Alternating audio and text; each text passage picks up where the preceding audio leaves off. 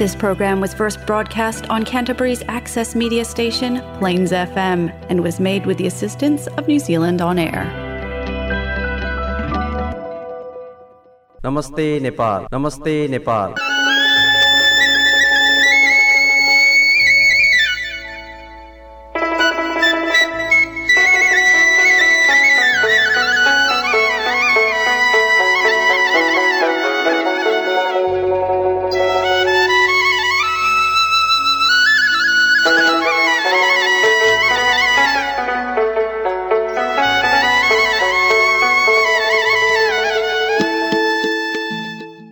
नमस्कार। Plains FM ninety six point nine mega हजमा यो हो क्राइसिसवासी नेपालीहरूको आफ्नै कार्यक्रम कार्यक्रम नमस्ते नेपाल। प्राविधिक त्रुटिले गर्दाखेरि हाम्रो यो रिपोर्ट रिपिटको यो सिग्नल बज्यो। त्यसको लागि क्षमा प्रार्थी छु। तैपनि हामी क्राइसिसमा रहेको यो प्लेन्स एफएमको यो स्टुडियोबाट प्रत्यक्षहरूबाट यहाँहरूसँग भेटघाट गर्न आइ नै सकेको छु।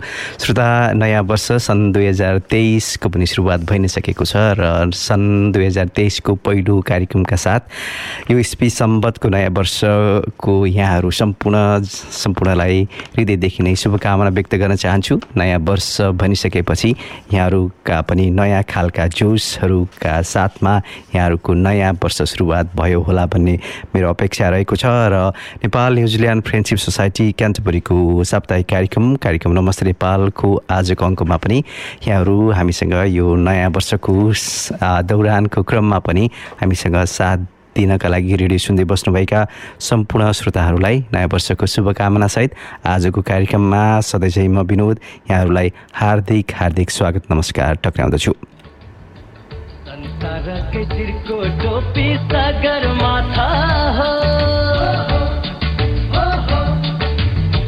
यही टोपीको तेरो फेरो हाम्रो हजुर श्रोताहरू कस्तो हुनुहुन्छ? के गर्दै हुनुहुन्छ? हामी टोपीको यो गन्थनको कुराहरू त हामी उठाइ नै रहेका छौँ र इस्वी सम्बतको नयाँ वर्षको कुरा उठाउँदै गर्दाखेरि नेपाली टोपी दिवसको प्रसङ्ग पनि आउने गर्दछ।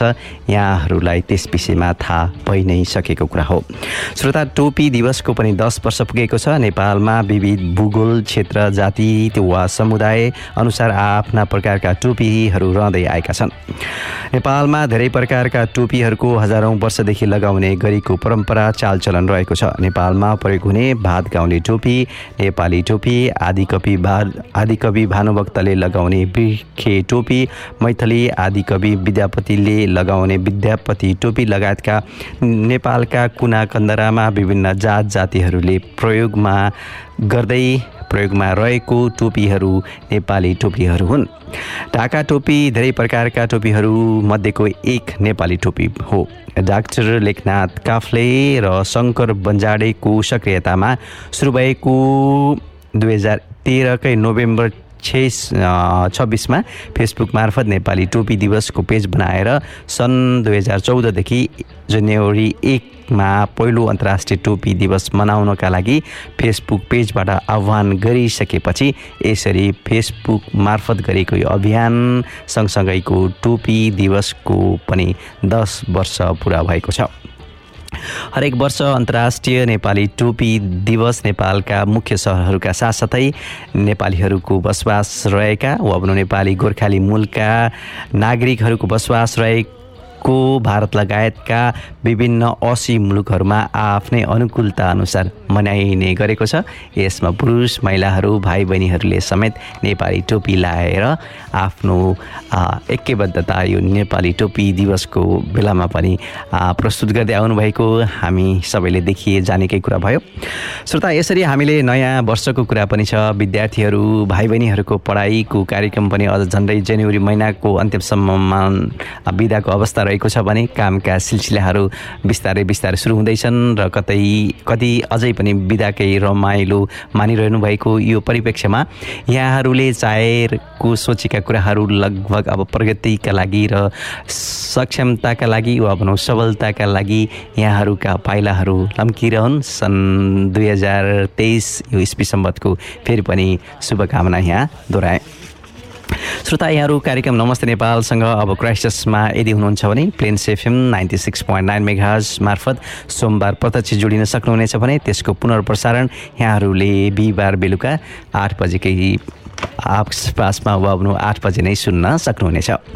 त्यस्तै यहाँहरू क्राइस्ट चर्च क्राइस्ट चर्चभन्दा बाहिर न्युजिल्यान्डभर वा संसारको जुनसुकै स्थानमा यदि हुनुहुन्छ भने पनि हामीलाई plains FM dot ORG dot एनजेडमा गइसकेपछि यहाँहरूले नमस्ते नेपालको साथसाथमै कम्युनिटी रेडियो सामुदायिक रेडियोको पहुँच र त्यसको महत्त्वको विषयमा पनि जानकारी लिन सक्नुहुनेछ। श्रोता हामी नयाँ वर्षको सङ्घारमा वा भनौँ सङ्घार त के भन्ने पार गरि नै सकेका छौँ। दुई दिनमा टेकि नै सकेको बेलामा नेपालमा भने कठाङ्ग्रिदो चिसो सँगसँगै चलेको शीतलहरले मधेसको जनजीवन कष्टपूर्ण बनाएको छ। घाम नलाग्दा दिनभर बाक्लो हुस्सुले अँध्यारो बनाएको छ। सहरमा मानिसहरूको चहलपहल पनि पातलिएको कुराले पनि हामीलाई मनमा चिसो पस्छ नै। अर्कोतर्फ अब नयाँ सरकार पनि प्राप्त भएको छ देशलाई। अब त्यसले अब कस्तो खालका कार्यक्रमहरू ल्याउने हो त्यो भने हामीले अझै पनि प्रतीक्षा गर्नु नै पर्ने हुन्छ। हामी त्यही हरेक निराशामा पनि आशा पर्खेर आशाको प्रतीक्षा गरेर बसिरहेका छौँ। सायद यसपालि हामीले सोचेको कुराहरू प्रतिकूल रूपबाट होइन कि अनुकूल बनेर जाउन्? हाम्रो यस्तै खालको अपेक्षा रहेको छ। र अहिले सुरुवातमै कट हामीले आधारभूत सेवाको सुधार गर्ने निर्णय गरेको छ। यो अहिले पछिल्लो पटकको मन्त्री परिषदको पहिलो बैठकले प्रधानमन्त्रीले त्यसमा घोषणा गरे अनुसार सरकारले नागरिकलाई प्रदान गरिने र गरिँदै आएका आधारभूत सेवा प्रवाहलाई सुगम सरल र कम खर्चिलो र झन्झटमुक्त बनाउने गरी सुधारका कामहरू तत्काल थाल्ने निर्णय गरेपछि का परिदृश्यहरू पनि यहाँहरूले थाहा पाइ नै सक्नुभएको छ सेन्चु हामीले अब पासपोर्ट लाइन पासपोर्ट बनाउनेहरूको लाइन विभिन्न विद्युत टेलिफोनका बिलहरू त्यसको शुल्कहरू तिर्नेका लाइनहरू पनि हामीले यस क्रममा देखेका छौँ। सरकारी वा भनौँ विभिन्न खालका अस्पतालहरूमा बिरामीहरू र बिरामी कुराहरूको लाइनले पनि यी कुराहरूलाई सम्बोधन गर्न सकोस्। यो पक्षहरूले यसरी नै सम्बोधन गर्न सकोस् आगामी दिनमा। राष्ट्रिय परिचय पत्र विद्युतीय राजधानी सवारी चालक अनुमति पत्र लगायतका सेवा प्रवाहलाई सुगम शरीर सरल कम खर्चिलो र झन्झटमुक्त बनाउने भनिएको छ। श्रोता अब यो त यस्तै कुराहरू भयो। अब त्यस्तै अब हामी हाम्रा लथालिङ्ग हामी अनुकूलताको कुराहरू गर्ने बेला भए पनि लज्जा र बिम्ब बनेका गौरवका आयोजनाहरूको कुरा पनि गर्नुपर्ने हुन्छ। अल ती आयोजनाहरू अल्पत्र पार्ने ठेकदारहरूलाई कारवाही होइन उल्टै राजनीति संरक्षण हुन्छ। आठ आठ पटकसम्म म्याथ थपिदिने मात्र होइन लगा लागत नै बढाइदिने प्रवृत्ति पनि छ। अब नयाँ मन्त्रीले यो व्यतिथिलाई निरन्तर देलान् कि हस्तक्षेप गर्लान् यो पनि हाम्रो प्रतीक्षाकै विषय बनिरहेको छ। राष्ट्रिय गौरवका र अन्य ठुला आयोजनाको लागत समय बढिरहेको छ प्रगति भने छैन। पटक पटक म्याथ थपेर समय लम्बाइरहे पनि दर्जन आयोजनाको काम आधा आधी मात्र हुन सकेको छ। श्रोता यसरी आधा आधी पनि हुन नसकेका थुप्रै कुराहरू छन् आधा आधी भएका केही छन्। यसरी नै हामीले आजको कार्यक्रमको उठान गरेका छौँ र आजको कार्यक्रमको यो उठान सँगसँगै अब यहाँहरूलाई एउटा मिठो गीत प्रस्तुत गर्न चाहन्छु। त्यसपछि बाँकी रहेका प्रसङ्गहरू हामी उठाउने नै छौँ।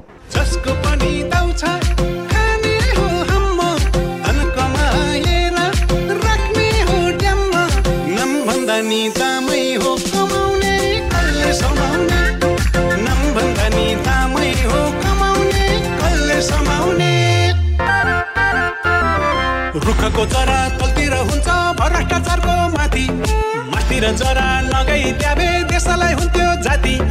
डाँडामा जन्मी पाखामा हुर्के गाउँ छोड्यो एसएलसी पढी। काठा मान्डु खाल्टोमा छिरी कोठा भाडा तिरी। भाडा तिर्न सकिन सोच्यो सँगै बस्ने खोज्यो। दुःख गरी साथीले पढ्यो लोक सेवा लड्यो।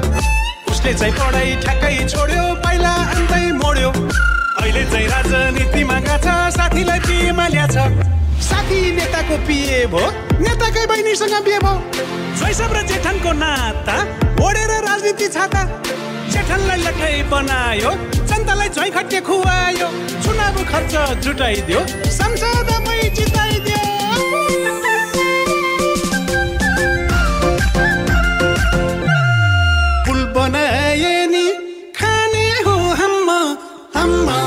हम्म। पुल बगाए नि खाने हो हम्म। डाँडै किनेर राख्ने हो डम्म नम भन्दा नि दामै हो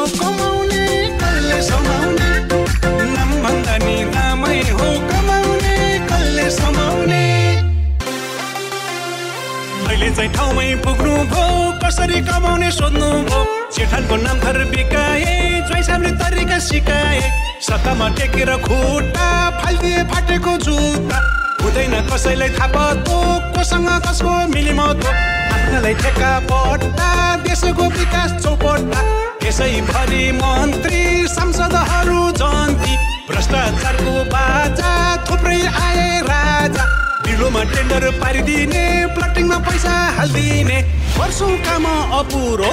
कस्तो जनताको पुरपुरो हजुर श्रोताहरू plains FM ninety six point nine mega हजमा यो हो क्राइसिसवासी नेपालीहरूको आफ्नै कार्यक्रम कार्यक्रम नमस्ते नेपाल नमस्ते नेपालमा यहाँहरूलाई सधैँ चाहिँ म विनोद मिठा मिठा गीत सङ्गीतहरूको साथसाथमा नेपाली गीत सङ्गीतहरूसँग जोडिएका नेपालीहरूसँग जोडिएका हाम्रा मनले छोएका र मनसँग पनि सम्बन्ध राख्ने खालका खबर सामग्रीहरू यहाँहरूलाई प्रस्तुत गरि नै रहेका छौँ श्रोता अहिले पछिल्लो पटक अब नेपालमा पनि अर्को तेस्रो विमान अन्तर्राष्ट्रिय विमानस्थल पोखरा अन्तर्राष्ट्रिय विमानस्थलको औपचारिक रूपबाट सञ्चालनमा आएको छ। झन्डै उन्तिस अर्ब रुपियाँ लागतमा निर्माण भएको यो तेस्रो ठुलो अन्तर्राष्ट्रिय विमानस्थलको उद्घाटनपछि र अब यसले व्यापारिक रूपबाट र व्यावहारिक रूपमा कस्तो खालको असर र व्यावहारिक रूपबाट सहुलियत दिने हो। त्यो भने हामीले हेर्न बाँकी नै छ। त्यस्तै श्रोता अब पछिल्लो पटक अब हामीले काठमाडौँका विकल्पहरूमा अन्तर्राष्ट्रिय विमानस्थलहरू खोज्दै गर्दाखेरि बनेको भारत ले सहमति नदिँदाखेरि अप्ठ्यारोमा परेको अवस्था पनि छ। अनि बाह्रमा भन्ने अर्को विमानस्थलको कुरा त छ नै श्रोता। हामी व्यावहारिक रूपबाट यी यस्ता कुराहरूलाई कसरी व्यवस्थापन गर्छौँ त्यो अर्को कुरा भयो। गौतम बुद्ध विमानस्थलमा उभा उडान प्रभावित भएको छोटो प्रसङ्ग पनि यहाँ जोड्न चाहने चाहे श्रोता।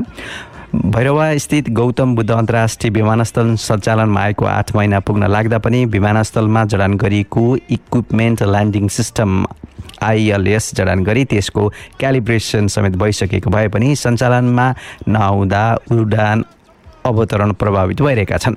आइएलएस उपकरणको प्रयोगपछि जहाज उडान र अवतरण गर्दा भारतीय आकाश समेत प्रयोग हुने भएपछि भारत त्यसमा सहमत नहुँदासम्म उपकरण प्रयोग गर्न नसकिएको खबरहरू आएका छ जहाजलाई उडान तथा अप अप अवतरणका लागि सामान्यतया एक हजार पाँच सय मिटर भिजिबिलिटी आवश्यकता पर्दछ।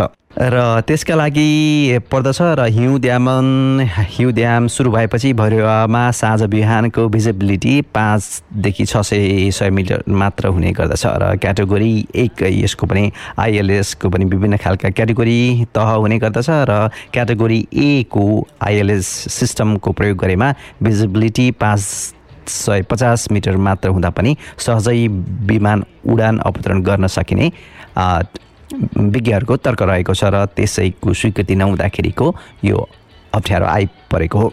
त्रिचालिस अर्ब खर्चेर निर्माण गरिएको विमानस्थलमा अहिले अन्तर्राष्ट्रिय उडान अवतरण रोकिएका छन् भने स्वदेशी वायु सेवाका जहाजहरूको पनि उडान पनि प्रभावित भइरहेका छन्।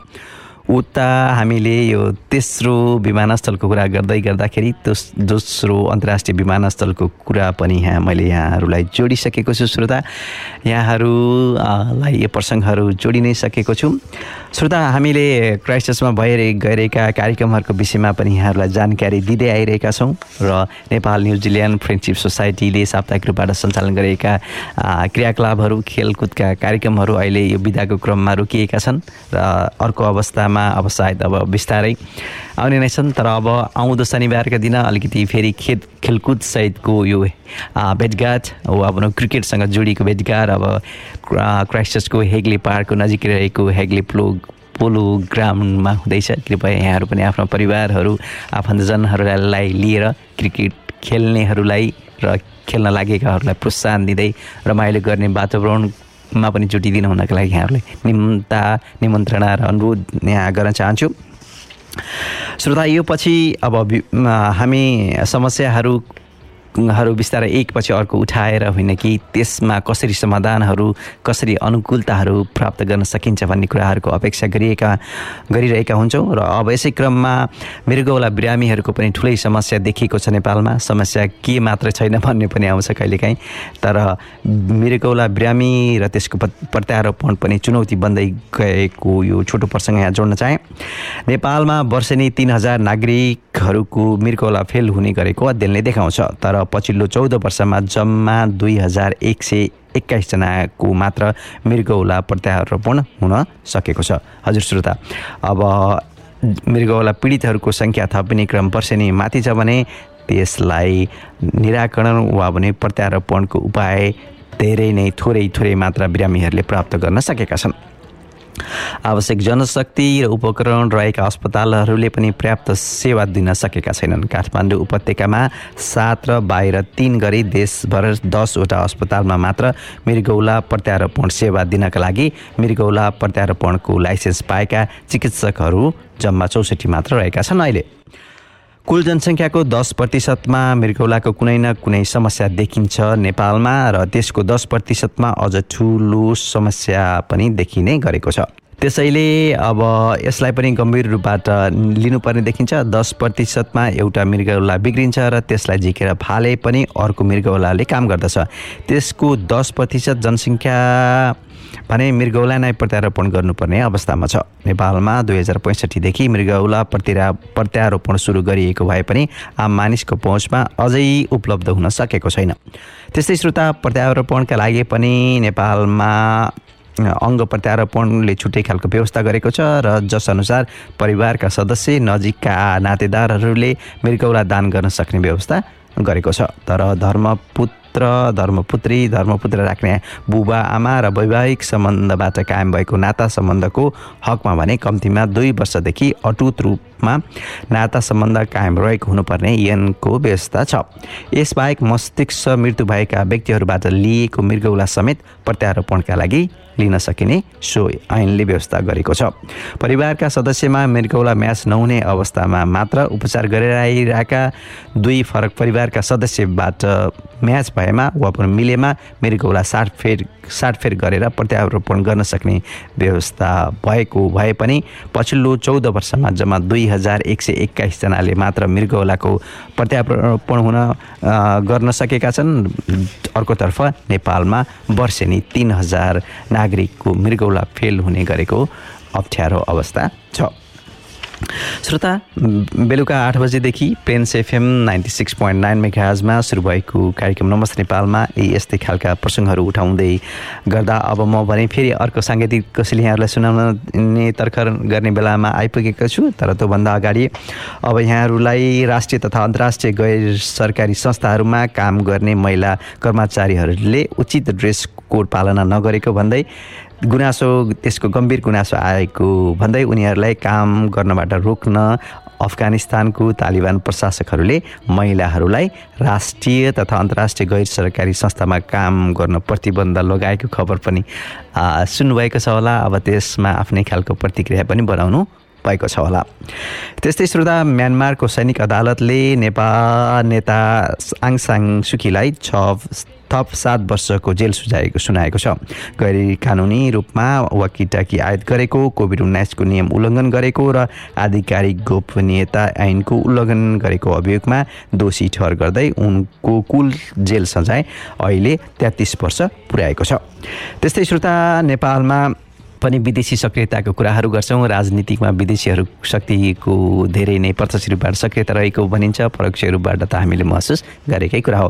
तर त्यो सँगसँगै छिमेकी मुलुक विरुद्ध गतिविधि गरेको आरोप लगाउँदै पछिल्लो दुई दशकमा कम्तीमा तेह्र नेपाली नागरिकहरूलाई नेपालमै मारिएका दुःखद अवस्था पनि छन् र त्यसमा भने विदेशी खुफिया एजेन्सी जोडिएका यस्ता घटनामा नेपालको खुफिया भनेको गुप्तचरी निकाय राष्ट्रिय अनुसन्धान विभाग भने कहिल्यै पनि जवाबदेही हुनु परेको छैन र गुप्त रूपबाट नै सुसुप्त भएर बसिरहेको छ श्रोता अब यो सँगसँगै भने कार्यक्रम नमस्ते नेपालमा एउटा पत्ता जे जोरा अब यहाँहरूलाई प्रस्तुत गर्दैछु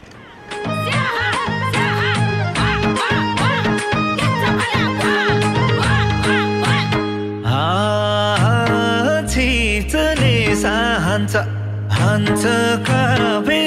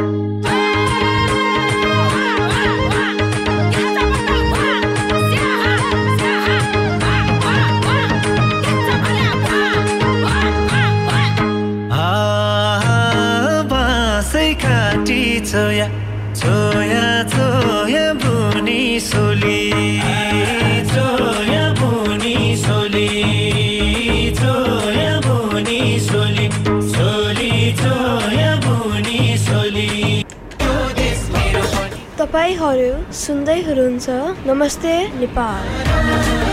हजुर श्रोताहरू बेलुका आठ बजीदेखि सुरु भएको कार्यक्रम नमस्ते नेपालको लगभग अब उत्तरार्धमा प्रवेश गर्दै गर्दा यहाँहरूलाई मिठो गीत प्रस्तुत गरि नै सकेको छु। अब यो गीत सँगसँगै अब बाँकी रहेका प्रसङ्गहरू पनि यहाँहरू समक्ष प्रस्तुत गर्ने जमर्को गरिरहेको छु। श्रोता हामीले अब सबै कुराहरू गरि नै सक्यौँ। अब त्यस्तै क्राइसिसमा हुने कार्यक्रमहरूको विषयमा पनि जानकारी दिइ नै सकेका छौँ। त्यस्तै यो हप्ता परेका विशेष दिनहरूको कुरा गर्दै गर्दाखेरि शुक्रबार जनवरी छ तारिकदेखि सुस्तानी व्रत कथाको पर्व पनि सुरु हुँदैछ। सुस्तानी व्रत र कथा पौष शुक्ल पूर्णिमाका दिनबाट सुरु भएपछि हिन्दू धर्मावलम्बीहरूले चोखो रही घर घरमा श्री सुस्तानीको कथा वाचन र श्रवण गर्ने चलन रहेको छ। एक महिनाभर व्रतकथाका एकतिस अध्यायहरू पाठ गरिन्छ। यो क्रम एक महिनाभर निरन्तर चलि चलिरहन्छ। माघ शुक्ल पूर्णिमाको दिन व्रत तथा कथा कथा समापन हुने गर्दछ।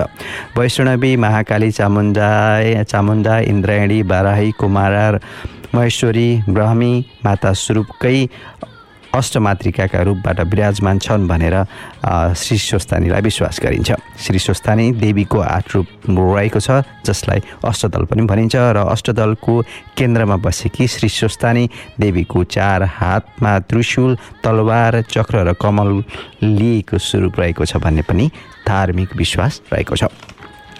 श्रोता धार्मिक विश्वासको कुरा गर्दै गर्दाखेरि अब इतिहासको कुरा पनि छ। आउँदो शनिबार जनवरी सात तारिकका दिन अरण्यको स्मृति दिवस पनि परेको छ। त्यसैको छोटो प्रसङ्ग यहाँ जोड्न चाहे।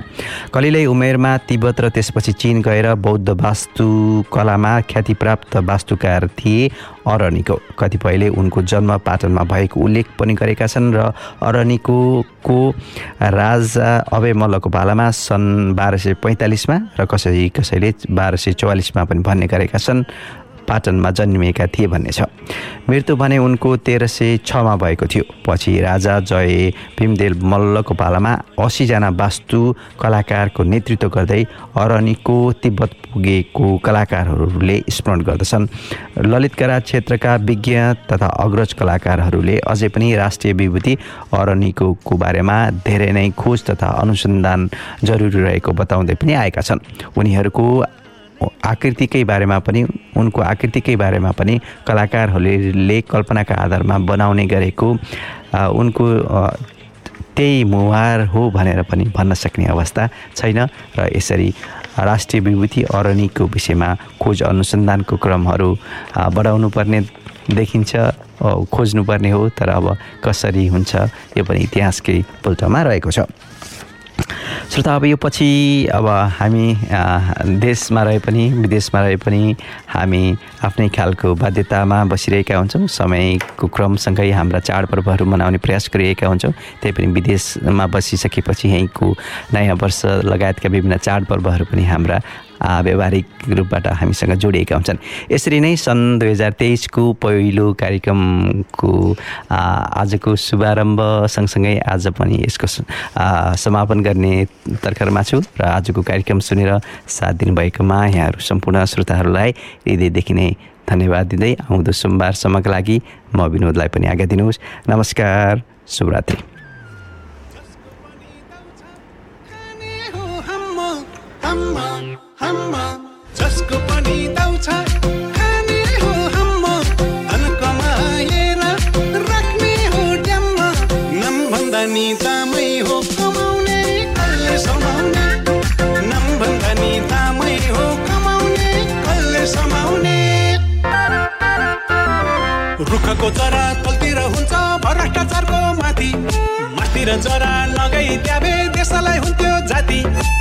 डाँडामा जन्मी पाखामा हुर्के गाउँ छोड्यो एसएलसी पढी। काठा मान्डु खाल्टोमा छिरी कोठा भाडा तिरी। भाडा तिर्न सकिन सोच्यो सँगै बस्ने खोज्यो। दुःख गरी साथीले पढ्यो लोक सेवा लड्यो उसले चाहिँ पढाइ ठ्याक्कै छोड्यो पहिला अन्तै मोड्यो। अहिले चाहिँ राजनीतिमा गएको छ साथीलाई पिएमा ल्याछ साथी नेताको पिए भो नेताकै बहिनीसँग बिहे भो शैशव र जेठनको नाता ओढेर राजनीति छाता। जेठनलाई लठाइ बनायो जनतालाई झै खट्टे खुवायो चुनाव खर्च जुटाइदियो संसदमै जिताइदियो। नमस्ते नेपाल नमस्ते नेपाल।